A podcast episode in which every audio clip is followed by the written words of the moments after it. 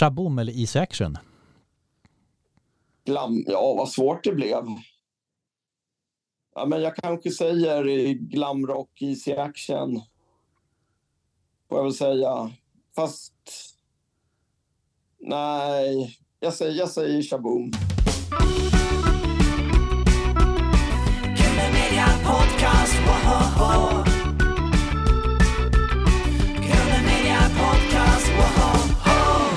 Välkommen eh, P.O. Thorén till Gröna Media Podcast med mig, Carl Magnus Eriksson och... Och med mig, Erik Jensen. Ja. ja. Tack så mycket, tack. Vi är så glada att du vill eh, haka på här. Vill du presentera dig själv för lyssnarna eh, i vår podcast P.O.?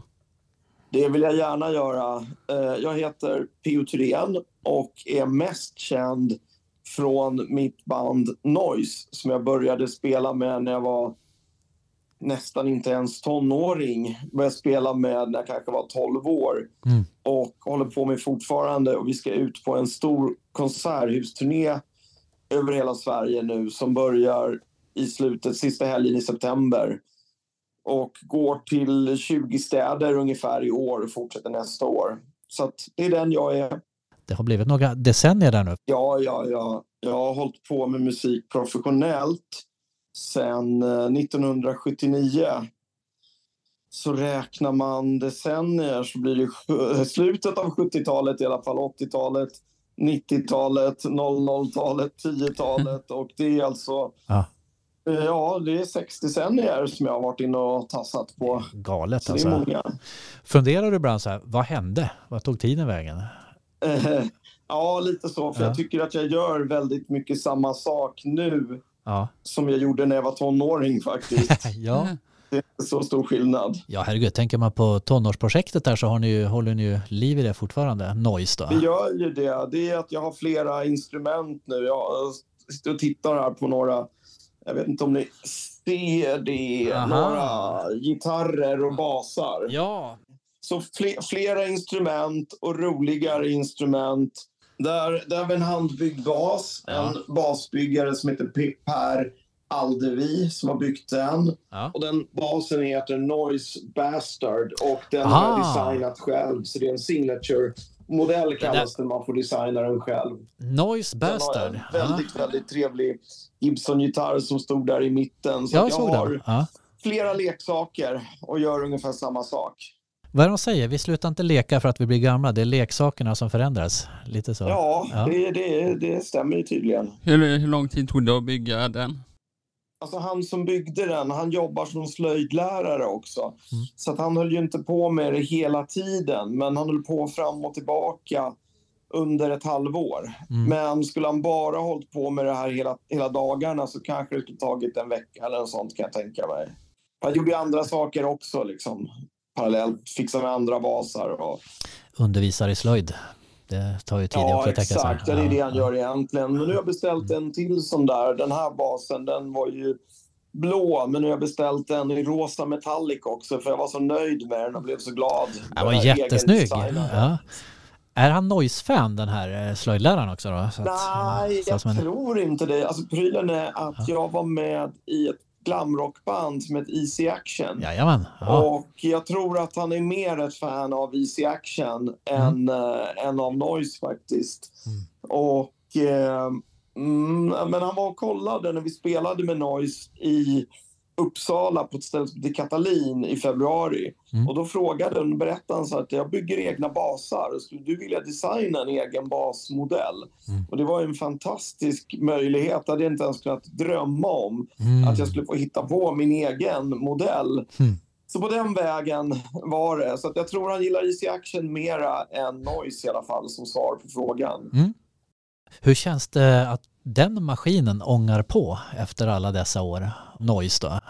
Ja, det känns ju, det är både efter alla dessa år, men med tanke på dem, det mörker och den ja. tragik som har funnits kring bandet. Ja. Att två av originalmedlemmarna gick bort för ungefär 20 år sedan mm. innan de ens hade fyllt 40. Och mot bakgrund av det så känns det ju väldigt, väldigt overkligt att två av oss som började spela tillsammans då 1975 fortfarande kan vara ute och turnera och att det finns så stort intresse. Mm. Att vi fått vara med i ja, men, mycket i tv. Vi var med i Lotta på Liseberg i somras, Nyhetsmorgon samma Mm. vecka. Mm. Och att vi får göra den här konserthusturnén för att vi aldrig gjort någon konserthusturné tidigare överhuvudtaget. Så det Mm. känns, det känns eh, som en dröm nästan. Det känns ju helt overkligt faktiskt. Ja, jag såg det klippet på Youtube, det var jättebra. Ja, vad roligt. Ja, Mm. det, jag tyckte det kändes bra. Det, jag tyckte det var jättelyckat. Det var ju superkul att vara med och spela där. Och det är ju du och eh, Robert Klasen, då, originaltrummisen. Ja, som, det är jag och Robert Klasen som är kvar från när bandet bildades. Och sen så har vi tagit med en ny keyboardist som heter John Persson, Mm. som vi kallar för John John. Och sen så har vi med på sång och gitarr Charlie Grönvall. Just det. Charlie, det finns en speciell story för det har gjorts en musikal om Noise. Mm. Och i den musikalen då så spelade han rollen som våran originalsångare, Mm. Hasse Karlsson. Och vi tyckte att han gjorde det så bra så att vi frågade om han ville åka och spela med oss. Spela med oss. Men och det som är lite spejsat nu då, det är att de här nya killarna i bandet, de är ju ja, men typ i samma ålder som de barn, våra, våra barn, som mina och Robbans barn. För att min äldsta son är 33 och Charlie Grönvall är också 33. Mm. Och så har jag en son som är född 1995 och vår keyboardist han är också i den åldern. Mm. Så nu spelar jag med kids som är i samma ålder som mina barn. Liksom. Det är som Ja, håller det är sig... konstigt, eh, men det är väldigt roligt. Ja, ja Ja. visst. Får, får du nostalgiska minnen på näthinnan av Hasse Karlsson och Nej, Fredrik eller jag tänker inte alls på det. Utan när man är Mm. Och spelar, då handlar det bara om...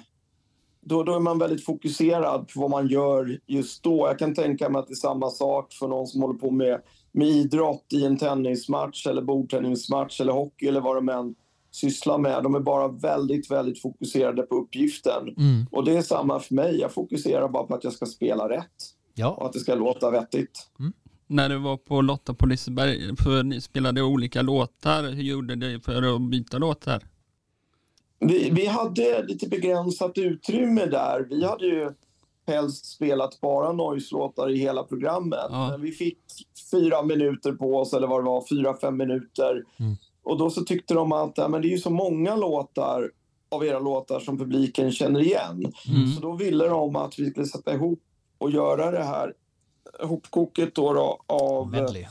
Ja, att vi fick med snuttar av många av våra kändaste låtar. Mm. Och det kan jag säga att det var ju någon helt ny grej för oss. Vi har aldrig gjort det förut. Det Mm. var en liten utmaning för att förut har vi spelat de här låtarna så grymt många gånger men nu fick man verkligen tänka till. Mm. Nu fick man repa och anstränga sig för att göra rätt och inte göra bort sig i direkt, direktsändning när vi spelade dem på Ja, det sättet. Det var krävande av oss som musiker. gjorde det med den äran tänker jag. Ja, det gick bra. Det gick bra. Vi gjorde inte bort oss, men vi hade väldigt bra backning också av eh, musikerna i husbandet på Liseberg. För vi spelade tillsammans med dem. Så sammanlagt var vi omkring tio personer som framförde låtarna och i vanliga fall är vi fyra. Så det blev ju lite, lite extra fett med ytterligare två keyboardister, ytterligare en som spelar lite gitarr tror jag bakom och någon som var med och körade, någon som spelade lite tamburin. Så att vi hade, Mm. vi hade väldigt bra uppbackning där. En sån låt som En kväll i tunnelbanan. Jag tänker idag är ju det en, det är en allsångsrefräng liksom. Ja, det brukar, när vi kör våra låtar, flera av de kändaste låtarna, det brukar bli väldigt mycket allsång Mm. på våra konserter. Mm. Och det är både En kväll i tunnelbanan, Du lever bara en gång är Ja. nog den Mm. allra populäraste låten numera. Ja. Dolce Vita, väldigt populär, mycket allsång.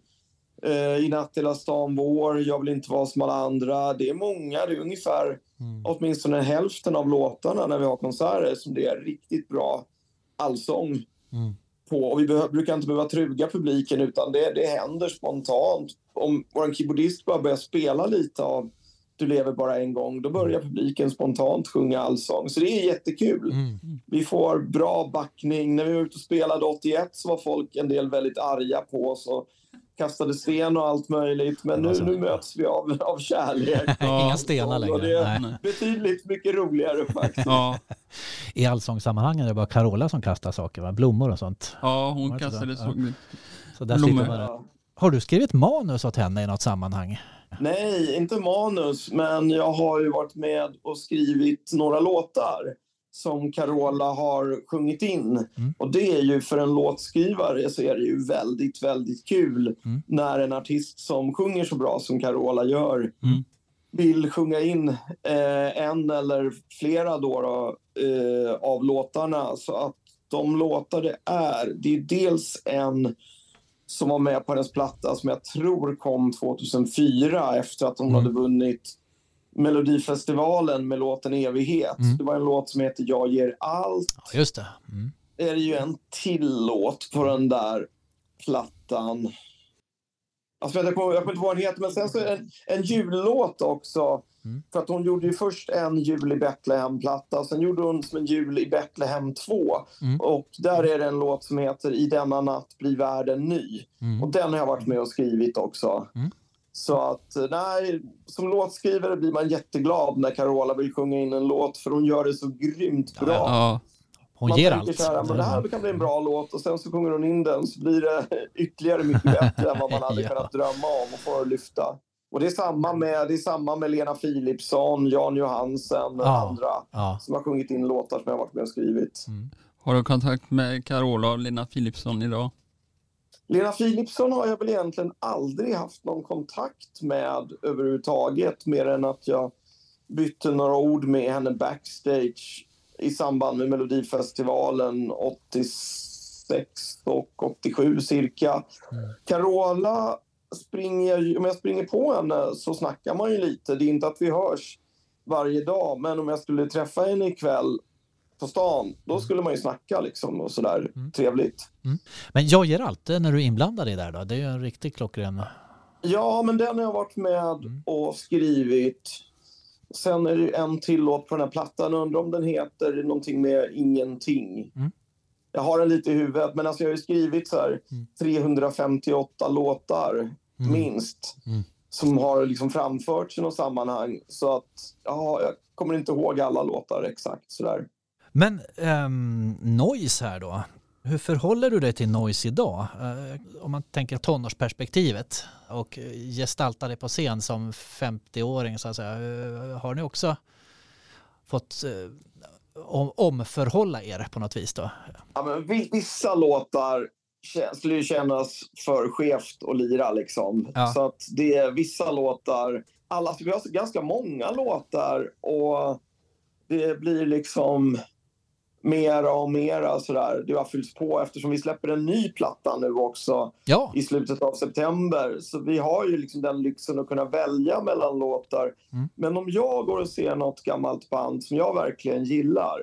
Om jag skulle gå och se Beach Boys, då vill ju jag att de ska köra sina gamla hits. mm. Jag blir jättebesviken annars. Jag, jag har inte sett Beach Boys, men jag har sett Brian Wilson från Beach Boys ja. på ett sologig. Och det kunde vara glad, gladligen vara låtar som handlade om stranden trots att han aldrig var någon surfare och handlar om bilar och tonåren och skola och allt möjligt.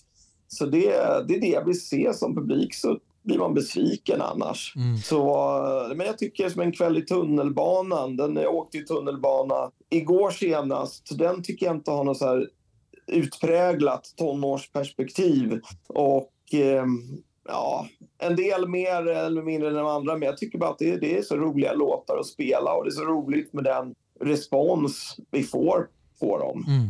Har du några favoritband eh, du lyssnar på förutom Beach Boys? Ja, då, det har jag. Det har blivit väldigt mycket Beatles Mm. på senare år. Just nu är jag inne i en reggae-period som jag Ja. aldrig har varit i tidigare i mitt liv. Det har bara varit enstaka låtar som jag gillat mycket. Mm. Men just nu lyssnar jag väldigt mycket på reggae och gärna gammal reggae från 60 och 70-talet. Just det. Sen jag lyssnar Ja. mycket på country. När jag åker bil ensam så brukar jag lyssna på en radiokanal som heter Go Country. Mm. För att min fru hatar country så jag kan inte lyssna på det hemma. Så det gör jag ensam i bilen på resor. Men sen det är mycket 60-tal, eh, också annat förutom Beach Boys och Beatles, Rolling Stones. Jag gillar deras nya singel Angry. Ja, Men jag gillar, jag gillar ju väldigt mycket musik. Samtidigt så vågar jag nog säga att jag är ganska mycket av en finsmakare också. Mm. För jag vill bara hitta det göttaste. Jag, liksom, jag gillar ju långt ifrån Mm. allt. Fast mycket musik gillar jag väldigt mycket. Mm. Det kan vara perioder med gammal punk också, The Clash. Mm. Nej, det är, det, det är allt möjligt liksom. Men det ska vara, låtarna får inte vara för långa. Och det är viktigt för mig med melodier. Det är otroligt viktigt. Och sen så tycker jag att det tillför Mm. väldigt mycket när det är bra, bra texter. Och i country så är texterna väldigt viktiga. Där får man Mm. aldrig slarva Nej, med texterna. De måste vara väldigt genomtänkta. kan, kan inte det bra åka bil till också. Absolut. Funkar jättebra alltså. Superbra. Vänta, jag ska bara, jag ska, jag ska bara så jag kan lyckas utan att trycka bort er så ska jag se om jag lyckas svara på ett sms från min fru här. Ja, Det kan, jag, gör ett, jag gör ett tappert försök. Nu, nu, nu har jag svarat. ja, Nu kan jag slippa tänka på det och ni är kvar och det funkar. Puh, vilken lättnad. ja, vi är kvar än så länge. Vi håller i dig. Eh, skrev du att du sitter och lyssnar på country till frun? Eh, här? nej. jag skrev 20 i nionde klockan 19. Ja. Kort och koncist och tråkigt Ja. opersonligt svar. Men hon fick veta det Räcker hon så. frågade Ja, om. ja. Eh, Vill du berätta om den nya skivan som kommer i september? Ja, eh, det här är ju då första gången sedan 1995 som vi släpper en platta med till allra största delen nya låtar, nyskrivet material. Flera, ungefär hälften av de här låtarna finns redan tillgängliga på Spotify. Hela albumet kommer heta Gustavsberg. Och så finns det ju en låt som vi släppte för några år sedan som också är med i musikalen som heter Gustavsberg också. Men nu skulle jag visa den här. Så här ser plattan ut. Då. Jag kan skicka en bild eller någonting. Det kan du göra. Vi ser, ja, vi får en fin skärmbild här. Men du får gärna skicka en bild, det får du göra. Du kan Ja. skicka till Ja, min mail. göra. Mm. Och sen så kan man öppna den så är så här utvikbart, gatefold. Här är bildcollage med en massa gamla bilder på bandet som det var då. Och det är även så att två av de gamla medlemmarna medverkar på, på varsin låt på Aha, plattan. Yes. Freddy von Gerber kanske? Eller? Nej, han är inte med, Nej. utan det är bara originaltrummisen Mm. Robert Klasen som är med på plattan.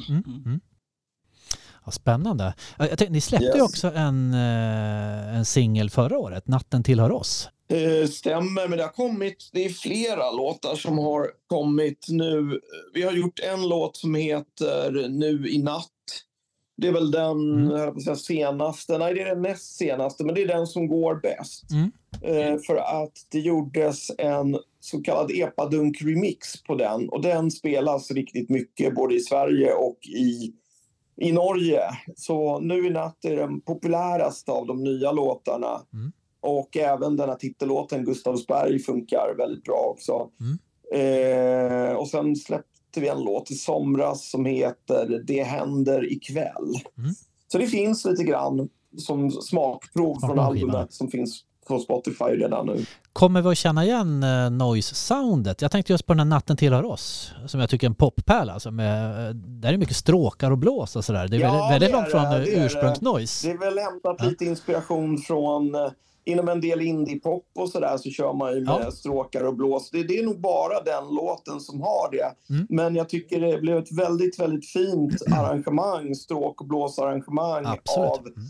Svante Persson som är en superduktig producent som jag jobbar med ibland. Jag ska Keyboardist. faktiskt åka till hans studio imorgon för då vill han visa ett nytt arrangemang som han gjort Mm. som var väldigt eh, viktigt.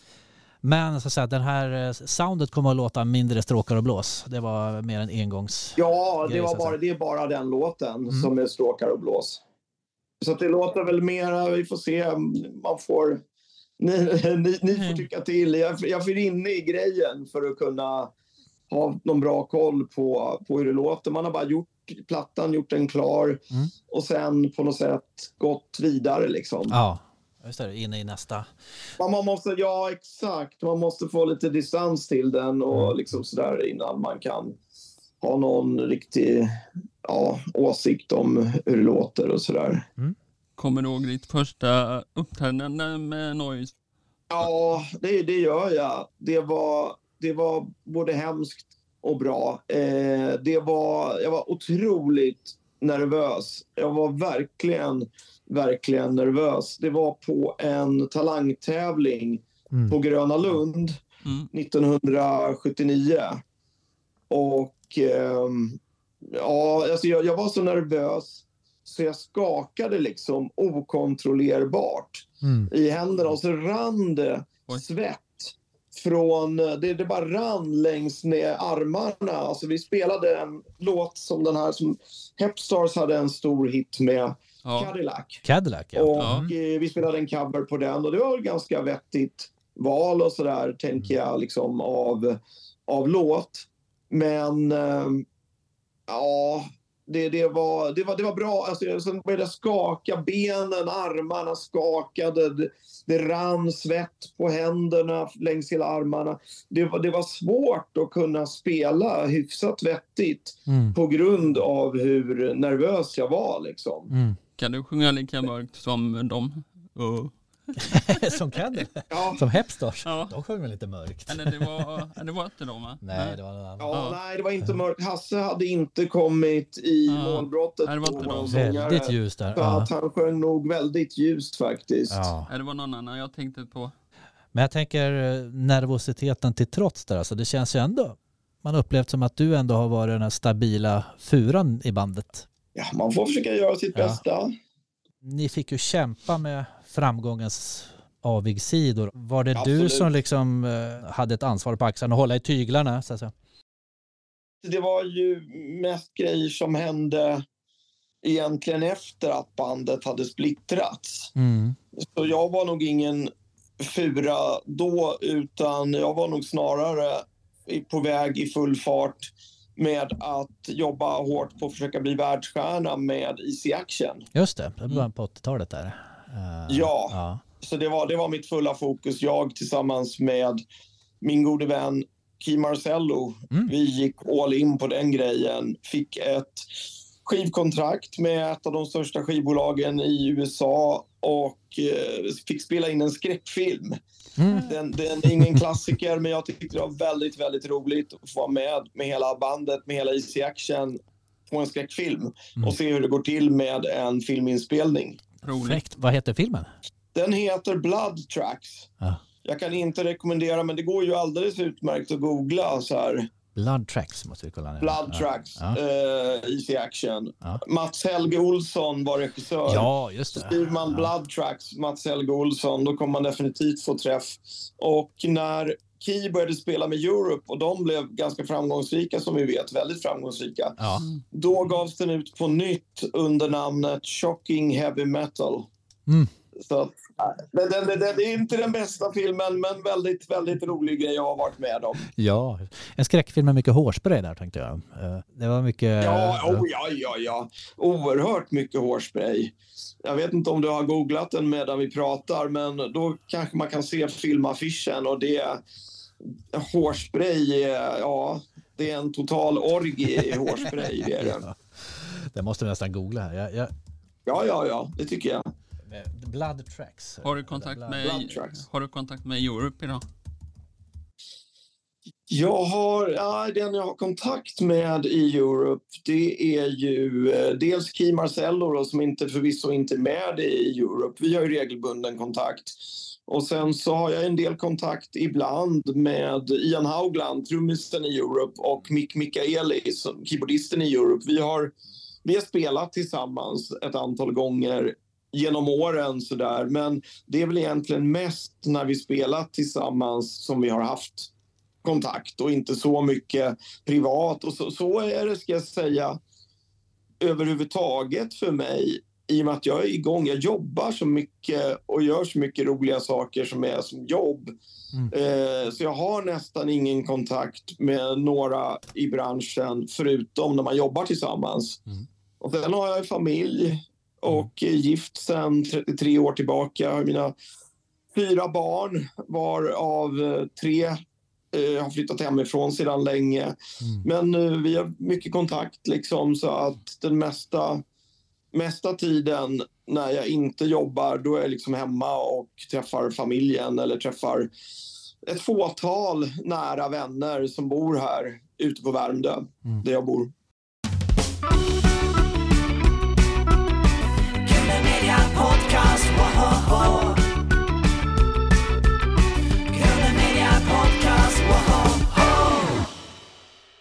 Jobbar dina barn också med musik?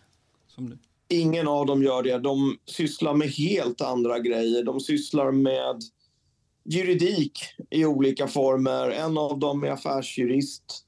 Så att eh, okay. man kan säga att jag som punkbasist kunde få barn som är så liksom eh, uppstyrda och jobbar med så, sådana saker som är så otroligt långt ifrån det jag själv jobbar med.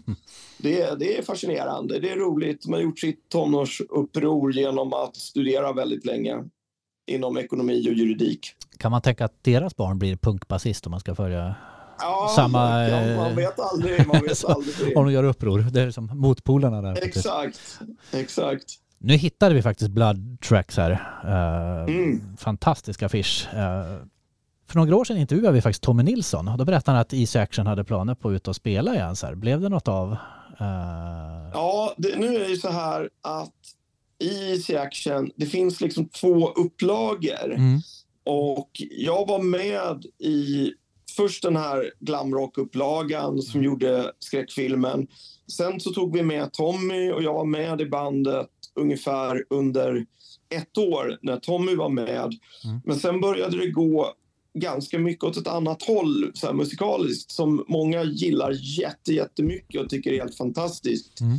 Men som inte riktigt är sån musik som ligger mig varmast om hjärtat och som jag inte heller klarar av så bra att spela. Så att det som Tommy tänkte på då, det var ju liksom den här andra upplagan, Tommy-upplagan av Easy Action. Så då, då var det inte aktuellt för mig att spela bas. Däremot så gjorde de en spelning, väldigt, väldigt lyckad spelning med Tommy på festival. Sweden Rock. Festival. Mm. Och då var jag däremot med i bakgrunden. Jag var inte med och spelade, men eh, jag bokade spelningen åt dem. Jag var med och lyckades få se till att spelningen blev verklighet. Och Mm. det tycker jag var jätte, jättekul. Alltså, det tycker jag var, Mm. var grymt. Men jag stod inte på scenen. Jag var väldigt nöjd med att Mm. ha varit med och dra, dragit in några trådar i bakgrunden för att det skulle hända. Eh, Vem skriver alla texter till eh, bandet i Noise? Ja, när det gäller texterna i Noise så då, då är det jag som har skrivit de flesta texterna. Inte alla, men de flesta. Så det har blivit mycket, mycket texter till Noise har det blivit och kommer bli flera. Vi kanske ska ta en liten vända dit i, i forntiden, höll jag på att säga. Barndomen. Eh, Mm. Var du inställd på att du vill bli musiker redan långt innan Noise då? Eller kom Ja, det? jo, men det var när, när jag började lyssna på musik och blev intresserad av musik. Mm. Då blev jag ju väldigt såld på det. Så där, där föddes det ju en dröm att det var någonting jag skulle vilja hålla på med. Och då började jag lyssna på skivor med, med David Bowie, som jag faktiskt har en t-shirt. Ja, titta På där. mig med ja, idag, nu ser just. jag det. Ja. Och eh, även? Alice Cooper lite grann. Men mest, allra mest David Bowie var det. Mm. Nej, men då, då föddes den drömmen. Och jag började med, när vi började repa med Noise, eh, jag och Robert Klasen och Freddie Hansson, det som skulle komma att bli Noise sen. Då spelade jag inget instrument, utan då, då sjöng jag i bandet. Det, som inte, det var inte ens ett band. Vi satt på ett pojkrum och försökte repa och göra så gott vi kunde. Och sen började jag spela gitarr. Och sen gick jag över till, um, till spela bas. Så nej, men drömmen har funnits sen väldigt unga år egentligen. Jag kanske var 10, 10-12 år. Det är intressant med Bowie där. Jag tänker, Noise är ju sprungna, det är ju punkeran liksom. Ja, fast vi, vi höll ju på tidigare. Vi Ja. började ju lira tidigare. Ja. Så att vi har ju många olika influenser. Mm. Eh, det var en hel del, när vi började spela så var det en hel del 50-talsrock. Mm. Och prylen är, alltså Bowie-låtarna, de är ju så svåra och avancerade musikaliskt. Det är små Så det var ju sviter. inget som vi Mm. klarade att spela. Men vi gillade dem ju väldigt mycket, så det var ju definitivt en stor influens med hela stilen och utseendet med glamrock och med smink och så här. Så Noise är liksom ett hopkok av influenser som har såväl Bowie och glamrock, 60-talspop som The Who, Rolling Stones, Beatles, punkband som The Clash, Mm. Sex Pistols och allting det här tillsammans, det Mm. blir Noise. Mm. Vem kom på namnet Noise? Ja, det var nog jag, men jag var inte så gammal då och det var ju... Ja, det är ett band, bandnamn som man har vant sig vid. Liksom. Mm. Det var, vi hade betydligt sämre namn innan vid ett tillfälle när jag eh, kom in så hade vi, bandet Pink, hade vi bandnamnet Pink Panthers. Mm. Mm. Så att, eh, nej, Noise det har varit alla möjliga namn. Men uh, Noise, ja det är ju etablerat nu får man ju säga. Det är ju ändå ett av Sveriges mest eh, liksom, kända band egentligen inom pop och sådär. Men det kunde ha blivit Noise med S har jag förstått. Men det var redan ja, upptaget. Ja, det var, ju, det var ju det vi ville. Det var ju det namnet vi valde. Mm. Men så dök det upp ett band i Skåne, en ort som heter Perstorp, som hette likadant. Mm. Så vi började försöka motarbeta det på olika sätt. Vi spred rykten om att de hade bytt namn till Christian och Pågarna och eller Christian och nötstrumporna. Men, så det var en del som trodde det då, att de, att, nej, de har bytt namn. De heter Christian och Pågarna nu. Ja. Men för att det inte skulle bli för förvirrat så föreslog Ola Håkansson på vårt skivbolag att mm. men kan inte stava med C. Mm. Så att något motvilligt skulle jag gissa så gick vi väl med på det. Jag tyckte att det var okej, okay, bara så att det fanns någon liten skillnad mellan som man kunde se. Man är ju lite nyfikna på hur det gick för det här bandet från Perstorp. Nej, men de gjorde, de gjorde några singlar som jag tyck, tror jag fick ganska bra kritik. Betydligt bättre kritik än vad vi fick på den tiden. Och, och sen rann det väl ut i sanden gissar jag. Men en grej som det här har lett till, våran stavning, det, är ju, det kan alltså engelska lärare intyga. Mm. Att periodvis har det ju varit väldigt, väldigt, väldigt många svenska elever som ska lära sig engelska som tror att noise ska stavas med C och mm. inte S på engelska. Mm. Ni har satt avtryck där. Ja, vi har spridit ondska inom engelska undervisningen genom att ha den stavningen och det har inte ens varit vår avsikt. Det har bara blivit en oväntad bonusgrej som har hänt. Om du inte vore musiker, vad skulle du vara då? Då tror jag att jag skulle kanske vara journalist eller författare. Mm. Eller politiker, kanske. Du har ju en del strängar på bas, basen om man säger så. Eh, då, har du jobbat som mäklare? Ja, men det, det gjorde jag under några år eh, fram till millennieskiftet. Min pappa ja. var mäklare och hade ett eget företag, så jag jobbade ihop med honom och det var väldigt, väldigt bra för det, då jobbar man alltså, vi, vi behövde faktiskt jobba förhållandevis lite då och det var gott om tid att kunna hålla på och spela och turnera och kombinera med mm. sådana prylar. Så det var, det var en väldigt bra kombo faktiskt under en period, det var det. Och även manager också? Ja, ja, ja. Absolut. Oh ja. Eh, Viking? Nej, men I och med att jag själv har hållit på och jobbat och liksom haft den rollen egentligen, både i Noise mm. och i andra band som jag spelat i och sen så haft jobbat på olika roller inom musikbranschen så kan jag egentligen ja, hunnit lära mig musikbranschen väldigt, väldigt väl. Mm. Så att jag kan på ett bra sätt se liksom så här, hur band kan göra bäst för att komma fram och lyckas. Om de har potential och är duktiga och sådär. Mm. Det tycker jag. Nej, men det, det har varit kul också, absolut. Och det, kan, det är väl sånt där som man kan hålla på med lite vid sidan av. Alltså, jag är ju, det som syns utåt av det som jag jobbar med, det är att jag spelar med noise. Men sen jobbar jag med andra grejer i branschen som inte syns utåt. Och att jag är så konsertarrangör och turnéarrangör. Mm och sådana grejer. Så jag jobbar väldigt mycket hela tiden, mm. men själva musicerandet kanske tar 10% av tiden eller något sånt där. Mm. Igår var jag till exempel och jobbade med eh, en engelsk sångerska som heter Katrina som var med i bandet Katrina and the Waves förut. Ja! Ja, mm. och mm. eh, hon ska vara med på en turné som jag är med och arrangerar. Kul. Och det är en turné som heter Greatest 80s som mm. är Sveriges största 80-talsturné någonsin med, med nio olika artister. Dock inte Noise. Mm. Men Katrina har ju haft en super, super stor riktig världshit med den här Walking on Sunshine. Ja, visst. Var det hon som var med i Bingolotto? Ja, exakt. Så att jag var involverad i att hon eh, var med i Bingolotto så att jag var med där med Katrina och hennes manager och eh, var inte helt bakom kulisserna men nästan. Men man Mm. kan se om man kollar på programmet så kan man se hur jag sitter i en stol nära scenen och spelar Bingolotto. Ja, Vilket jag, vilket Vann jag aldrig gör annars. Men det är klart man gör det när man är på plats i studion. ja givetvis. Ja, Ja. och på uppesittarkvällar har det hänt annars, Ja, men jag ja. Mm. gör det väl inte varje, varje helg. Men om jag är på plats i Bingolotto-studion eller om det är en uppesittarkväll, då, då kan jag spela Bingolotto. Mm. Daniel gjorde jättebra på engelska när han intervjuade henne.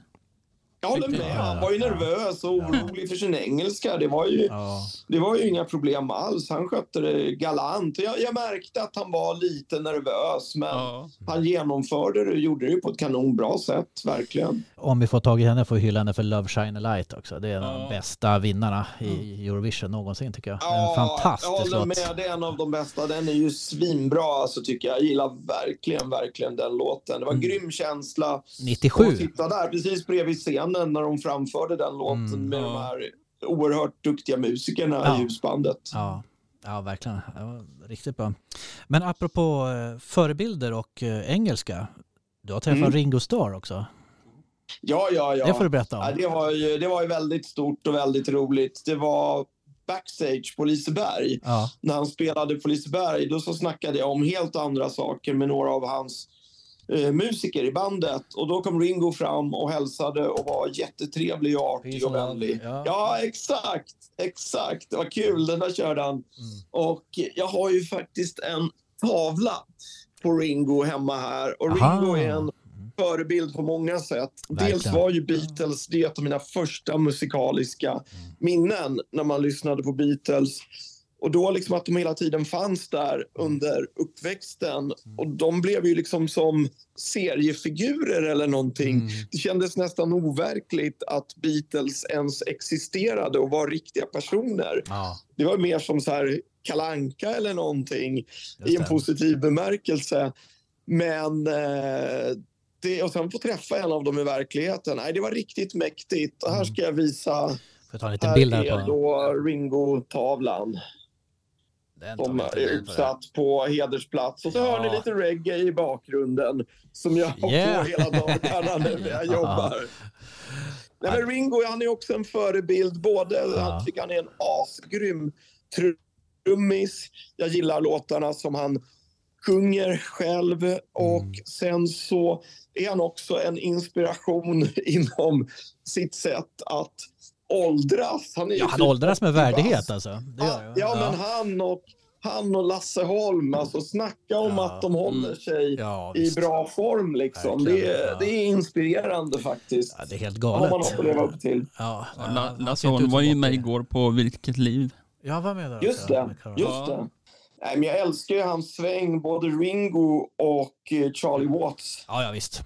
Berättade för eh, Robert och Freddy von Gerber om mötet med Ringo. Eh, jag tror inte det. Ja. Det brukar inte bli som... Ja, Här grabbar har ni det borde jag så Ja. väl ha gjort, men jag har liksom inget, inget minne av det sådär Mm. direkt. När blev du senast starstruck?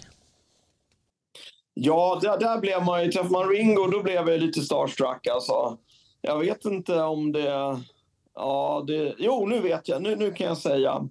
Eh, Ringo Starstruck. det är så här är det. Om, om jag träffar någon... eh, Om jag skulle träffa någon tungviktsboxare Mm. som har varit på högsta nivå.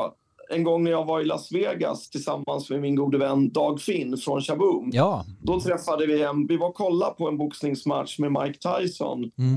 Och då så såg vi eh, i publiken en ganska känd boxare som heter Shannon Briggs. Mm. Och han hade en väldigt speciell frisyr, lite så här fontänfrisyr, så här stor grej. Plus att det var ju en stor och lång kille. Man fattar ju, man såg ju, den här, han är boxare, en tungviktsboxare. Ja. Ja. Och eh, så då, då vart vi rejält impade och tog mod till oss och frågade om vi kunde ta en bild tillsammans med honom. Och det fick vi göra och vi såg ut som två jättesmå skolpojkar bredvid den här jätten. Ja. Han var, men han var en av världens, han blev aldrig världsmästare men han var ju en av världens 5-10 bästa boxare när han var i stor form. Och jag skulle också bli väldigt impad av att träffa någon av bröderna Klitschko Mm. eh, som jag tror båda kan ha varit världsmästare fast de aldrig slogs mot varandra. Vitali Klitschko, han är ju borgmästare i Kiev nu. Mm. Så att han har ju väldigt fullt upp, om man uttrycker det försiktigt. Men nej, det skulle jag väl vara impad av av många skäl att träffa de här legendariska tungviktsboxarna, George Foreman och sådär också naturligtvis. Floyd Patterson. Ja, ja, ja. Han Ja, på Ingos tid. Nej, just det. Han är- De är döda sedan många år. även. Ja. George Scott har jag träffat några gånger också. Det var kul att snacka, Mm. snacka boxning med honom. Och jag kanske skulle inte säga att det blev starstruck, men det var, det var kul. Jättekul att snacka. Trevlig snubbe. Och eh, han var ju inte tungviktsboxare.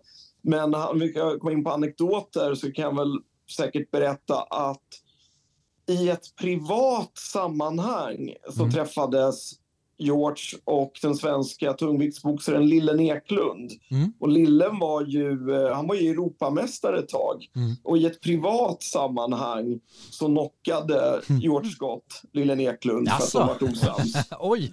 De, Och det är, ju, det är ju en bedrift eftersom George var ju mycket tyngre ja, ja, ja. viktklass ja, och inte längre var boxare. Och det var ju inte. Lillen heller. Nej. Men båda hade ju varit eh, bland världseliten inom boxning, ja, inte så många år tidigare liksom. Undrar man ju vad konflikten bestod av där. Ja. Så, här, var du Nej, insyltad jag vet, jag vet vad här konflikten bestod av. Eh, De, det handlade om eh, tsunamin i Jaha. Thailand. Ja, ja. Och under tsunamin så var det väldigt många hus ju som spolades bort. Mm. Och då menade Lillen, han jobbade som snickare.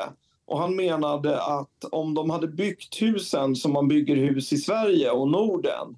Då Mm. hade det inte hänt så där. Då hade inte husen spolats bort. Mm. Och då, då kan jag ju själv tänka utan att ha varit insatt i det här att husen i Thailand behövdes ju inte byggas på samma sätt för det är ju så varmt i Thailand. Mm. Eh, och då var George sur och tyckte att eh, Lillens kommentarer om de thailändska husen hade rasistiska undertoner. Aha. Att det var, så det var det Mm. de vart osams om, att han tyckte att eh, Lillen var, hade rasistiska åsikter mot eh, hur, man, hur det är i Thailand. Liksom. Mm. Mm. Så det, det ledde sen till, enligt den här storyn, om den är sann, men det tror jag att den är. Mm. För den har jag hört från en väldigt säker källa. Mm. Att eh, ja, det vart lite privat, privat fight där och där Lillen blev knockad. Mm. Eh, hur minns du Hasse Karlsson? Jag minns honom som en klurig person och som en väldigt begåvad låtskrivare med eh, betoning på, på melodier. Att Mm. han var bra på att hitta kluriga och melodier som kändes enkla men inte var klyschiga. Som var liksom eh, så här finurliga och unika. Mm. Jag tycker själv att när jag skriver låtar så skriver jag på ett mer klyschigt standardsätt medan Hasse tycker jag skrev på ett mer eh, unikt och intressant sätt. Mm. Så att eh, jag minns honom eh, som en musiker och en väldigt duktig sångare. Mm. Jag tänkte så här, vi får ju passa på att hylla inte bara Hasse utan Freddy Hansson också. Uh, alltså hans keyboardspel, vilken Väldigt bra keyboardspel. fantastisk fin Jag eh, lyssnade på en låt som Freddie spelade på och som han och jag skrev tillsammans Ja. eh, för länge sedan och den lyssnade jag på senast igår och då vart jag påmind om att shit vilket bra keyboardspel det är och vilket bra Ja. vilken melodikänsla han hade. Verkligen. Väldigt, väldigt snygga små melodier i solon och sånt där. Mm. Ja, riktigt, riktigt bra keyboardspel, verkligen. Mm. Eh, hur lång tid tar det för dig att skriva en låt? Alltså de snabbaste låtarna, eller de, de låtar som man... Som, de bästa låtarna som man är mest nöjd med själv, de går ofta väldigt snabbt att skriva. Mm. Men man skriver dem ju inte så ofta, så kan man hålla på och traggla länge och skriva låtar som man tycker äh, men det vart inget bra, det här är inget att gå vidare med och sådär. Men de bästa brukar bara falla på plats. Mm. Väldigt så här, så känns naturligt och det här, det här känns bra, det bara flödar på. Vad gör man för att få en guldplatta? Då ska man... Förut, när jag fick de första noise-plattorna och sådär, guldplattor, då skulle man då skulle det ha sålts 50 000 exemplar av en, ett album eller 100 000 för då fick man platina. Och nu så är det lite andra regler och nu ska det streamas. Om det streamas fyra, en låt streamas fyra miljoner gånger, Oj. då får man sån här guld, guldplakett. Ja. Det kan jag, kan jag visa hur de ser ut. För det har jag Mm. fått två stycken ganska nyligen. Dels så delades det ju ut på, på Lotta på Liseberg. Då delade ju Lotta Engberg ut såna här guldplaketter till mig och till Robert Klasen. Mm. Nu har jag två stycken står här som jag inte hunnit sätta upp på väggen ännu. Den ena är fortfarande inplastad. Så att den här, så ser den ut. Åh, det här Eh, fina som omslaget. Delade ut till oss på Liseberg. Ja, Eh, vad står det här då? För över 4 miljoner streams av En kväll i tunnelbanan. Och den närmar sig ju 7 miljoner streams nu, så Mm. att den kommer väl snart bli platina också. Sen har vi en till. Och det här är för... det Den ljuva är livet. inplastad. Vad är det här för då? Jo, det är för Dolce Vita, för den låten, för låten Dolce Vita som är med på det där albumet och den har också i somras så hade den passerat 4 miljoner streams. Mm. Så att det är det det har att göra med antingen hur många som köper en platta eller hur många som lyssnar på det på Spotify. Mm. Nu visar ju du oss ett legendariskt omslag här, eh, en kväll i tunnelbanan. Eh, Man skulle Ja, ja, ja. man skulle vilja K-märkt, K-märkt den platsen alltså. Eh, Ja, jag den, förstår att den, finns är inte kvar. påmärkt. Den är riven. Den är riven. Var är det någonstans det där fotot togs nu då? Vid Slussen i Slussen. Stockholm. Och hela Mm. Slussen har ju fått byggas om, så det är ju ett mastodontprojekt. Och nästan varje gång man kör förbi där i bil så, så har de dragit vägen lite annorlunda. Just det, det Så, projektet så som... hoppas det blir bra när det blir klart. Det är ett stort projekt att bygga om Slussen. Som, som på Västlänken här i Göteborg. Ja, det är samma. Det ska inte bli klart. Ja. Det ska sysselsätta folk länge och hålla dem i arbete så, här, så Ja, sant. blir det sant. bra tillväxt. Så. här. Ja. Mm. Nej, man har väl lyfta ut den där väggen liksom och placera på museum. Eh, Mm. Men sprayade ni noise på eh, väggen där? ja, det var Freddy som sprayade, Mm. gjorde han. Just det. Så att det är inget inredigerat i efterhand. Liksom. Nej då. Repar ni fortfarande hemma i Roberts garage? Nej, vi repar egentligen aldrig, men Mm. vi kommer repa nu inför Konserthusturnén. Mm. Men i vanliga fall, vi har spelat de här låtarna så mycket så man lägger till någon ny låt, vilket händer sällan, Mm. då repar vi den bara i sam- inför någon spelning i samband med soundcheck. Så att Mm. alla får repa hemma först så att de vet vad de ska göra och sen testar vi att spela igenom den några gånger bara när vi träffas innan någon spelning. Så egentligen aldrig rep, men eh, så det kommer kännas ovant för oss att vi ska repa inför Konserthusturnén.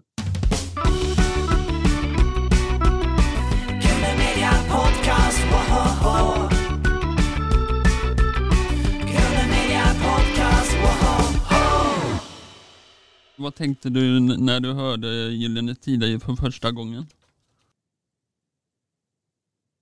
Jag tänkte... Jag tänkte att det var ett band som gjort en reggae-låt på svenska. Flickorna på TV2 då? Ja, det var det jag hörde först. Vad tycker du om hans låtar? Gesslers låtar? Ja. Eh, ja, det, är, det är många.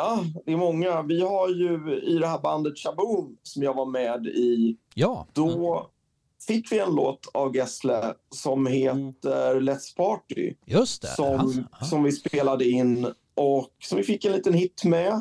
Mm. Och det tyckte vi var roligt, bra låt.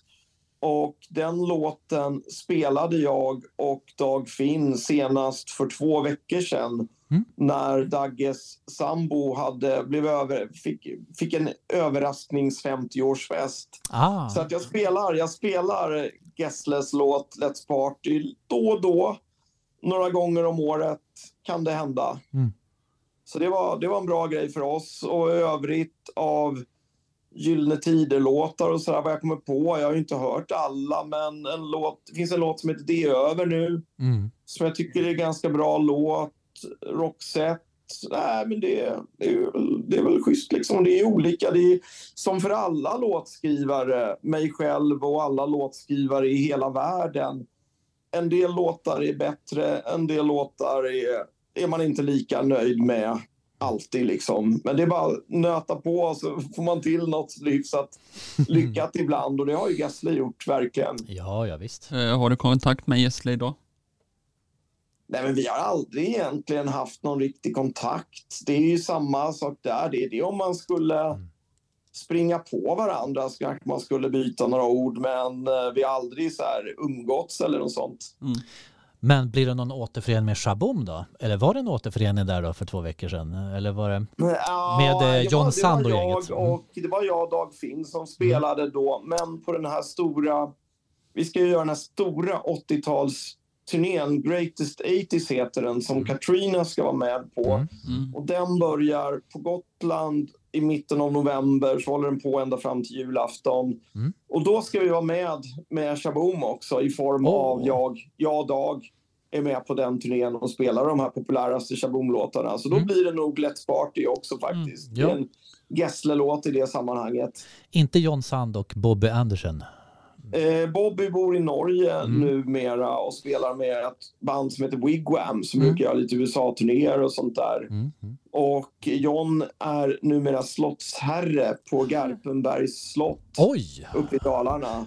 det var som tusan. Ja, Vilken... vi, vi, ja. har, vi, har, vi har mycket kontakt. Mm. All, den som jag har allra mest kontakt med det är eh, Bobby Andersen, eller Mm. Öystein som han heter egentligen. Vi sa du kan inte heta Öystein, det är för krångligt namn. Du måste hitta på ett namn som folk be- begriper och som inte låter för, som man kan säga i Sverige utan att det låter för mycket artistnamn. Ja. han, då föreslog han eh, Jag har lurt eh, lite grann. Eh, vad, säger, vad säger det, det om Bobby? Bobby. Bobby! Som, då, så skrattar vi så, som de eh, vakterna vid Buckingham Palace i London med Ja. de här björnmössorna. Ja, ja, just Så då fick, han namnet, då fick han namnet Bobby, men det har han skrotat nu. Utan Ja. nu är det mera Öystein, som man säger. Så vi är tillbaka på hans norska originalnamn. Han heter Öysten igen alltså. Ja, det är Ja, inte lika mycket rockpoäng där, Öystein. men eh, det får gå liksom. Ja. Och sen med Wigwam, då kallas han Sporty. Sporty Det är ganska kul för att han inte överdrivet sportig av sig. Kärt barn har många namn, jag ska säga. Ja, ja, verkligen. Nej, men vi, vi talades Ja. senast för några dagar sedan, Ja. så vi har, vi har mycket kontakt. Ja. Jag såg att IT ska komma till trä- trädgårdsföreningen. Det stämmer va? Ja, men det är nog inte den 80s-turnén, utan i Göteborg så ska vi spela på Lorensbergsteatern. Eh, Det är Katrina, det är Magnum Bonum, det är Snowstorm, det är Dan Hylander, Mm. Mikael Rickfors. Tone Norum, Anki Bagger och eh, Shaboom då. då. Eh, Lasse Lindbom. Så att vi är, vi är ju nio olika artister och grupper. Vilket pärlband. Ja. Ja. Ja, ja, ja, det är många, det är många gamla, gamla namn. Många som har haft hits på 80-talet och senare. Men det fanns ju en annan turné också med Lili och Susie och Herreys. Det är något annat. Ja, kör. de kallar det för 80-talsnatt, men det är en mindre turné. Jag vet att de gjorde några spelningar i somras, men det här är 20 konserthus i hela Sverige från eh, Malmö i söder till Luleå i norr på en månad. Mm. Oj. Så att, Stort. och med nio artister. De hade väl, Mm. men det var väl också ingen rolig turné, men det var Lili Susie, Herreys och några sådana. Tommy Mm. Ekman tror jag var med Ja, på den också. Men de, de är man ju lite, lite kompis med också Mm. och har lite kontakt med när man, när man spelar på samma ställen och sådär. Eh, skulle ni vilja vara med i Melodifestivalen igen?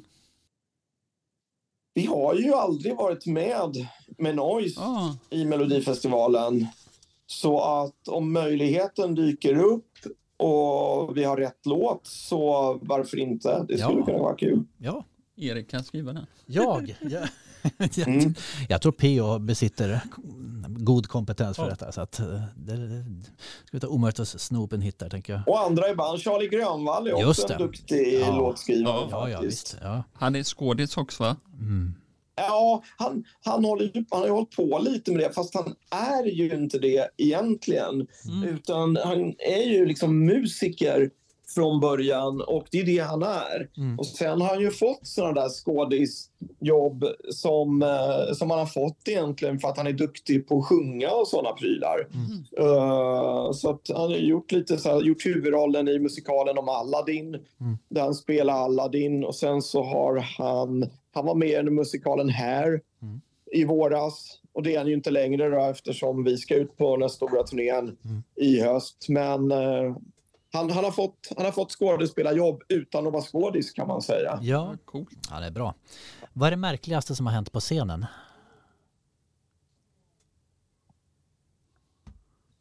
Ja, svårt, svårt att komma på. Det skulle jag ju gärna vilja säga något roligt och bra så här som att det kom in en älg på scenen en Ja. Du får hitta på Men då. eh, strömavbrott har ju hänt några gånger regelbundet, men det är ju inget som sticker ut riktigt. Mm. Nej, men nu vet jag. Nu vet jag. Det, det, var, det var egentligen inget som hände på scenen, men sammanhanget tycker jag måste ändå vara det märkligaste. Det märkligaste som hänt när vi har spelat någonstans. Mm. Det var med Noise 1981 när vi spelade i Östtyskland Mm. i östtysk tv och hela publiken bestod av ungdomar från eh, det är liksom kom- kommunistpartiet då, som styrde Östtyskland från deras ungdomsorganisation. Och så Mm. hade de på sig någon, några kläder som liknade så scoutdräkter. Och det var väldigt roligt och intressant, men det var udda, udda grej, liksom. udda sammanhang. Det var på DDR-tiden liksom. Det var... Ja, det var DDR. Ja, det är 100 procent DDR. Vi spelade i, i Karl Marx stad och så visade de... Det var ju inte som vi har i Sverige nu, att det var så reklam mellan inslagen på tv. Eh, utan då visade de små klipp från så fabriker där det kom lite så smält stål och sånt där och åkte förbi och visade att ja, men här jobbar de bra i den här fabriken och så där. Så det var annorlunda. Det var kul. Vi hade en kille från någon sån övervakare från Stasi, som det hette då. då. Just det. Ja. Ove hette han, Ove. eh, som var med som en överrock för att hålla koll på oss. Tjena, man. Nej, det var en speciell upplevelse, mäktig upplevelse, som jag berättar en del om. Även det i min bok. Jag släppte en bok för ett Ja. tag sedan. Jag kan visa hur den, Mm. Hur den ser ut. Eh, det här är den senaste då, från Noise till nu. Så där är en massa sköna stories om Östtyskland och allt möjligt annat roligt som har hänt genom åren. Den länkar vi också till på vår presentationssida tänker jag. Ja, det låter som en bra idé, det tycker jag. Du är vd för appen Singalong Official. Vill du berätta om det? Ja, jag har varit... Eh, det, det, den grejen är jag klar med nu. Jag var det ett tag. Ja. Eh, under, jag jobbade där i tre år eller något sånt där. Men nu är det uppdraget klart. Mm. Så det, det är nog mitt livs sista hederliga 9 till 5 jobb Mm. som jag kommer ha. Jag tror inte jag kommer vara anställd någonstans mera och gå till ett kontor sådär 9 till 5 utan nu kommer jag bara köra musik och de där grejerna till 100 procent. Du skulle inte vilja vara skådespelare som Charlie? Eller statist? Nej, nej det, det skulle jag inte klara. Jag tycker det räcker att spela... Ja, det skulle vara en väldigt liten roll i något sammanhang i så fall. Jag tycker det räcker att spela låtarna, men på den här stora konserthusturnén som vi ska göra med, med Noise, då snackar jag ganska mycket. Alltså berättar storyn. Mm. Nästan som en monolog var det någon som sa. Och då, då är jag ju ganska nära skådespelare och då har vi haft med en regissör som har liksom gett input och liksom varit med ett bollplank och sagt hur han tycker att jag ska säga olika grejer och föreslagit och liksom vad jag ska tänka på när jag säger olika grejer för att det ska bli bra och sådär. Så det, det, är väl, det är nog det närmaste skådespelare och sen är skräckfilmen där och förstås. Det, får, det får räcka med det som skådespelande. Den kan du ha som intro på storbilds-tv innan, eh, Blood tracks. Ja, det vore roligt. Det är en bra idé faktiskt. innan ni börjar. Så. Och så uppenbaras ja, ja. en, en doft av Absolut. hårspray som pyser ut sig på scenen istället för Ja, rök. ja, ja. Mycket bra. Mycket bra. ja. Eh, vad ser du på tv och eh, vilken var den senaste biofilmen? Den senaste biofilmen, och då är det ju bio förstås. Eh, alltså, det är ju inte lika ofta jag ser filmer på bio. En, en film som jag såg, en biofilm som jag såg, men jag såg den på Netflix. Den ska ha premiär i Sverige, gå på bio i Sverige den 14 september vet jag, men jag såg den på Netflix i USA. Eh, eller jag var ju inte i USA, men jag såg på amerikanska Netflix. Och det är en film som heter Jesus Revolution, Mm. som är en film som handlar om några grejer som hände i kyrkor tidigt 70-tal i USA för ungefär 50 år sedan. Så, och senast jag såg på en biograf, det var den här Avatar del 2, tror jag att det var. Jag kan rekommendera Oppenheimer. Oppenheimer. Ja. Ja, men den har jag tänkt, den har jag varit på väg att se flera gånger. Jag vill ju se Oppenheimer vill jag ju se på bio och eh, det är nästan förvånande att jag inte har sett den ännu. Och sen så vill jag ju se, ville se nya Indiana Jones-filmen. Men nu har jag hört att väldigt många tycker den är så dålig och den ska tydligen Nej. släppas på streamingtjänster den här månaden. Mm. Så Indiana Jones kommer jag se på någon streamingtjänst. På Disney tror jag den kommer komma nu. Den ska man se på bio. Karl Magnus gjorde tummen upp här. Så att, jag eh, förstår det. Jag förstår det. Nu hinner jag nog inte ens. Jag vet inte om den går längre eller hur det är. Mm. Man ska se den på bio, men jag ska inte avslöja om du ska se den. Ja, nej men den, jag har ju sett alla Indi- Indiana Jones-filmerna Ja. och gillar dem liksom så att... Eh, jo, vi får, se, vi får se om det hinns med. Men nu när jag vet att både att många tycker att den inte är så bra och att den kommer på en streamingtjänst Mm. snart. Mm. Då kommer jag nog inte vara motiverad att se, hinna se den på bio innan dess. Utan då kommer jag nog vänta på att jag kollar på den på Disney Plus eller var den nu kommer någonstans. Ja. Jag tänker som så, vad är, vad är du mest stolt över i din karriär? Det kan väl vara olika låtar sådär som jag tycker att nej, men den där det där känns bra. Den där, den där låten blev jag nöjd med. En låt jag tänker på då, det är ju inte ens en noise-låt, men det var... Mm. Jag och några kompisar hade ett litet band som hette Big som var med i Melodifestivalen 1997 och 98. Och vi kom Just tvåa 98 Mm. med en låt som heter Ingen annan väg. Och Mm. det tycker jag blev en bra låt. Det är en av de låtar som jag är mest stolt över. Visst var ni en trio? Ja, Trio, exakt. exakt. Vilka var fler med i Big? Ja, det är några kompisar från Dalarna. Ingen, ingen som du känner igen. nej. En sångare som solosångare vid namn Jens Lundvik och en uh, basist. Jag spelade gitarr då. Mm. En basist som heter Stefan Almqvist som också är en duktig sångare. Mm. Och vi spelar väl tillsammans någon gång om året sådär. Vi spelade på norra Öland vecka 30 Mm. i år liksom. Några låtar. Så vi, vi brukar ses varje sommar på Öland, men de bor i Dalarna numera. Eh, Har du något drömprojekt? Ja, det vore kul. Tänk om man skulle göra en noise-turné Ja. och få spela tillsammans med en symfoniorkester. Åh, ja. Det, det vore kul. Noise med symfoniorkester vore kul. Noise långfilm Mm. Vore kul. Och, eh, och sen spela i lite andra länder. Förutom de vi har spelat i. Vi har aldrig riktigt spelat med Noise i Norge. Mm. Titta på kanske om man skulle göra en konsert i Oslo. Mm. Eh, kanske spela, göra grejer med Noise på engelska. Mm. Spela i Tyskland. Det finns, det finns roliga grejer som jag tror kan bli verklighet också som inte känns som att åka till månen. Det känns Mm. inte något helt orimligt att man ska uppnå det. Men symfoniorkester var ju häftigt. Det vore kanon. Skulle ni vilja åka utomlands till i USA och Europa? Med Noise? Ja, ja, men först och främst i Europa tänker jag. Sådär. Men då måste vi spela in lite grejer på engelska först. Och där, det har vi inte gjort riktigt, men det är väl, känns ju inte helt orimligt liksom. Vad gör PO om tio år? Haha, då, då, då är jag 70 år och jag kan säga redan nu vad jag gör då. Mm. Då kör, då gör jag samma sak som nu. Då kommer jag fortfarande spela med noise. Det hoppas vi. Mm. Den glöden får brinna vidare.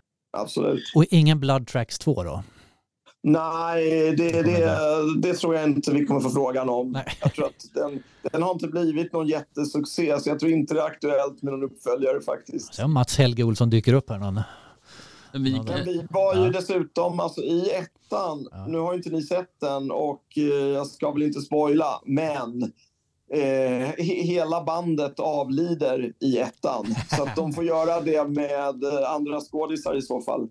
De coolar inte bara vippen kan jag tänka mig utan det sker på brutalare vis. Eller? Ja, Så- ja, ja. Oh ja. ja. Det är lite olika sätt. Vi kan skriva manus här på jobbet och så kan... Ja, Eh, det, blir, det blir nog samma, ungefär som Mats Helge hade skrivit. Det. Jag ska berätta Ja. en sak. Att Mats Helge, han, är, han har ju först ett manus Ja. som de utgår ifrån lite grann, men han har någon form av dyslexi som Ja. gör att han inte... Han, alltså det som står i manuset, Mm. det tolkar han och uppfattar han på ett helt annat sätt eh, än vad, vad det egentligen är skrivet. Mm. Så att manuset är bara något väldigt löst som bara flyter omkring som inte Mm. Mats Helge bryr sig så mycket om. Så man kan skicka in vilket manus som helst och det kommer bli det kommer nog bli, det blir Mats Helge. ja, så står vi för manuset här. då. Ja. Så vi improviserar ihop Exakt, någonting där. exakt. Och känner vi inte igen vårt manus sen, då vet vi att det är, hans, det är vårt manus. det för att det han har på, improviserat exakt. kring det. Ja, Ja, ja, ja ja. det är bra. Ehm, vi ska avrunda här. Fem snabba till P.O. Turin. Är du redo? Jag är redo.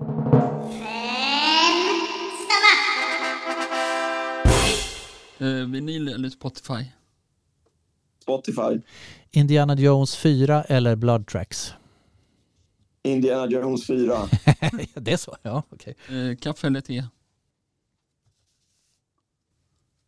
Det blev ju otroligt svårt. Jag började dricka kaffe vid 50 plus ålder och nu har jag ju druckit kaffe idag men jag har ju varit en otroligt inbiten tedrickare innan det. Jag uppskattar ju fortfarande gott te. Mm. Nej, jag, jag, kan inte svara, jag kan inte svara på det. Alltså, jag kan inte. Man får Men passa. alltså kaffe, Mm. då måste det vara... Jag dricker inget så vanligt bryggkaffe eller kokkaffe utan det är så latte eller cappuccino eller espresso eller något sånt där. Det är, schyssta, Det är rätt svar, schyssta säger grejer. Cornelis. här. Du svarade rätt på den frågan. Ja. Ja. Shaboom eller Easy Action? Glam, ja, vad svårt det blev. Ja, men jag kanske säger glamrock, easy action. Får jag väl säga. Fast... Nej, jag säger, jag säger shaboom. Det är okej. Ja. Får vi ta en följdfråga på den också? då? Öystein eller Bobby? Bo, Bobby. Bobby var det, Det på norska. På norska, Bobby. Ja. Ja, bo, Bobby är det roligaste. Instagram eller Facebook? Facebook för att då kan man, det blir mer att man har lite dialog med folk och det kan bli lite mer kommentarer och man kan svara lite och sådär. Mm. Vi använder ju båda på samma sätt egentligen. Ja. Postar ju båda i båda kanalerna samtidigt så. Ehm, vad skulle du vilja ställa för fråga till Marit Bergman som kommer senare i höst? Ja, jag vill fråga henne om hennes, vilka hon tycker är de fem bästa indie-artisterna. finns en binge att välja mellan där. Så Ja, verkligen, spännande. verkligen. Ja, ja, vad kul. Det tar vi med till Marit. Ehm, Gör det. vi får önska dig en trevlig höst Pio. Tack Ja, för men tack, detsamma. detsamma. samtalet. Eh, ut och för Noise Det ska jag. Yes, med den äran. Så ses vi Ja. där ute. Sköt om dig. det gör vi. Mm. Ha det bra nu. Ha det bra. Ha det. Ha det så bra.